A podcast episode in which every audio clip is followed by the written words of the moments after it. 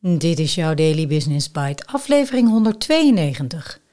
Waarom een vierdaagse werkweek juist met de huidige arbeidsmarkt een goed idee is. Door Karin Sanders voor CHRO. Unilever Nieuw-Zeeland is onlangs een test gestart voor een vierdaagse werkweek, ondanks de krappe arbeidsmarkt.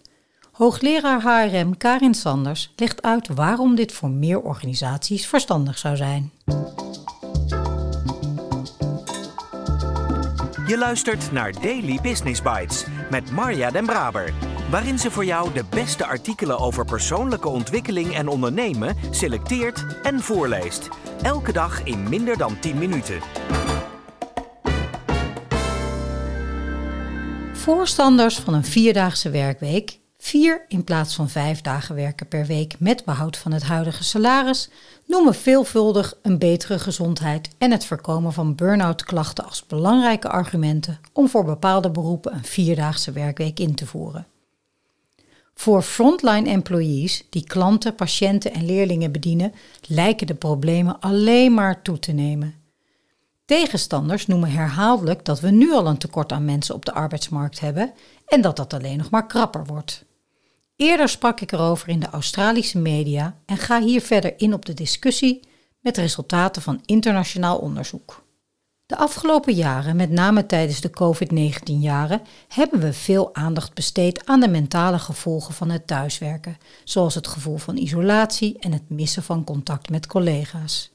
Ook wordt recentelijk veel aandacht besteed aan het managen van medewerkers voor wie het weer mogelijk is om naar het werk te gaan en weer op maandagochtend bij het koffieapparaat de uitslagen van het voetbal van het weekend door te kunnen nemen. Veel aandacht wordt hierbij besteed aan hoe we meer mensen terug naar het kantoor kunnen krijgen, de zogeheten Back to the Office Strategy. Veelal wordt in deze discussie voorbijgegaan aan het gegeven dat er veel beroepen zijn die die luxe niet hebben om thuis te kunnen werken en af en toe een middag wat met de kinderen te kunnen doen en dan het werk naar de avond kunnen doorschuiven. We hebben het dan over mensen in de gezondheidszorg, verpleegsters die geen keuze hebben om wel of niet thuis te werken, maar ook onderwijzers en leerkrachten, werknemers van supermarkten in onze buurt en bouwvakkers, om maar een paar beroepen te noemen. Allemaal medewerkers die ook wel frontline employees worden genoemd. Medewerkers voor wie het de belangrijkste taak is om klanten, patiënten en leerlingen en de samenleving als geheel te bedienen, te verzorgen of producten te verzorgen. Deze mensen hebben de afgelopen COVID-jaren hun eigen problemen gehad en deze problemen lijken alleen maar toe te nemen. Recentelijk werd ik in een tweetal interviews voor Australische tijdschriften naar mijn mening over de vierdaagse werkweek voor deze beroepen gevraagd. Het gaat in deze discussie nadrukkelijk niet over beroepen zoals veel van ons, die gekenmerkt worden door veel autonomie en vrijheid over waar, wanneer en hoe het werk gedaan kan worden. Zoals veel wetenschappers werk ik meer dan vijf dagen in de week en doe dat met veel plezier. Naast het feit dat er een aantal verplichtingen zijn, zoals werkzaamheden op het gebied van onderwijs en vergaderingen, heb ik veel vrijheid wanneer en hoe ik aan welke artikelen en projecten met welke internationale en nationale collega's werk. Deze werkzaamheden kan ik dagelijks tussen 9 uur s morgens en 5 uur s middags verrichten, maar ook van 5 uur s morgens tot 9 uur s avonds of in het weekend. Ik noem mijn werk dan ook wel vaak a paid hobby. Voor de frontline employees is dit allemaal anders. De afgelopen jaren hebben er voor deze medewerkers ingehakt. Op het mentale front waren het zware jaren. Niet alleen was het zwaar om zoveel mensen alleen te zien overlijden, ook de toenemende agressie van klanten en mentale problemen van de bevolking maken deze beroepen zwaar. Het is dan ook geen verrassing dat burn-out klachten en het ziekteverzuim in deze beroepen alarmerend hoog is. Veel van deze medewerkers twijfelen dan ook of ze wel verder willen in deze beroepen. Voor deze medewerkers zou de vierdaagse werkweek met behoud van het huidige salaris een oplossing kunnen zijn om burn-out klachten tegen te gaan, ziekteverzuimpercentages te verbeteren, meer tevreden en betrokken te zijn en zelfs productiever te zijn. En dat laatste lijkt moeilijk te bevatten te zijn. Experimenten in Spanje, Zweden, IJsland en Nieuw-Zeeland van de afgelopen jaren laten zien dat een kortere werkweek met behoud van het huidige salaris zelfs kan leiden tot een toename in productiviteit. Het experiment in IJsland werd uitgevoerd onder 2500 medewerkers van de gemeente Reykjavik en bij de nationale overheid en bevatte leerkrachten, medewerkers van sociale diensten en ziekenhuizen. De positieve resultaten van deze experimenten hebben ertoe geleid dat vakbonden meer gingen onderhandelen over andere werkpatronen en dat een groot deel van deze medewerkers nu een kortere werkweek hebben. Ook onderzoeken in Spanje melden dat de medewerkers in een vierdaagse werkweek minder stress ervaren, minder burn-out klachten hebben en hun gezondheid zien toenemen. Eveneens melden deze medewerkers dat ze meer tijd hebben voor hun gezin en dat ze uitgeruster aan een nieuwe werkweek beginnen. In dit kader kunnen ook de experimenten in Zweden naar de positieve resultaten van een zesurige werkdag worden genoemd.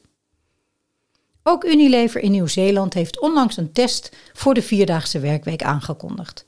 Medewerkers krijgen een kans om 20% minder te werken zonder het inleveren van hun loon. De belangrijkste reden voor deze test is volgens Nick Banks, de managing director van Unilever Nieuw-Zeeland, om de productiviteit van de medewerkers te meten onafhankelijk van de tijd die ze werken.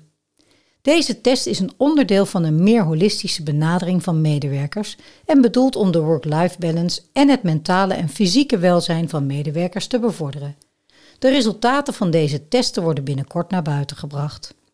Hoe kunnen we deze resultaten verklaren?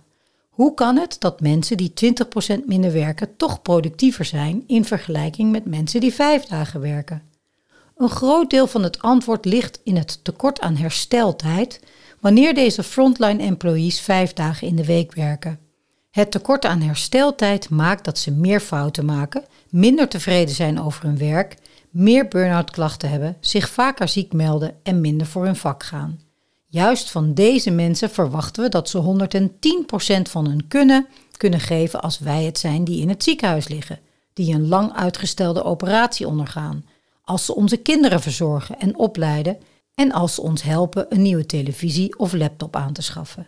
De verandering naar een vierdaagse werkweek voor deze beroepen zal niet zonder slag of stoot gebeuren. Tegenstanders zullen voorlopig nog wel even sceptisch blijven en de berekeningen maken dat we productiviteit in termen van gewerkte uren missen als deze mensen naar de vierdaagse werkweek gaan.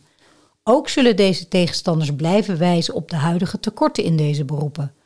De strategie en omslag in denken zal moeten komen van uren zien in termen van performance en minder als een tijd van 60 minuten. Uiteindelijk zullen de overweldigende positieve resultaten van de experimenten voor zich moeten spreken. Daily Business Bites met Marja Den Braber. Je luisterde naar waarom een vierdaagse werkweek juist met de huidige arbeidsmarkt een goed idee is door Karin Sanders. Karin is hoogleraar HRM en Organizational Psychology en een groot gedeelte van het jaar woont en werkt zij aan de University of New South Wales in Sydney. Uren in termen van performance in plaats van 60 minuten, dat lijkt mij sowieso een uitstekend idee. Het meten in termen van resultaat of, of uitkomsten is bij de ultieme uitkomstenstrategie juist het allerleukste om te doen met een team. Want 20% van de acties levert 80% van het resultaat op, geef ik dan aan. Maar welke acties zijn die 20%? Wat kunnen we zo ongelooflijk slim aanpakken dat we met 20% inspanning het grootste gedeelte van het resultaat hebben staan? Als je hier met elkaar even tijd aan besteedt, komen er zo vaak acties boven water die in eerste instantie nog niemand zou bedenken. Het heeft misschien niet helemaal met het gedachtegoed van Karin te maken, zoals ze dit hierboven beschrijft.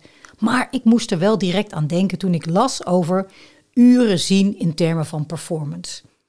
Ik hoop van harte dat er inderdaad overweldigend positieve resultaten uit de verschillende experimenten gaan komen die voor zich spreken en helpen om iedereen het gevoel van een paid hobby te geven als ze werken en voldoende hersteltijd.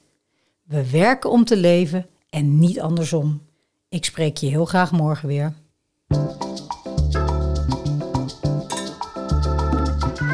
Dit was Daily Business Bites. Wil je vaker voorgelezen worden? Abonneer je dan op de podcast in je favoriete podcast-app. Meer weten? Klik op de links in de show notes.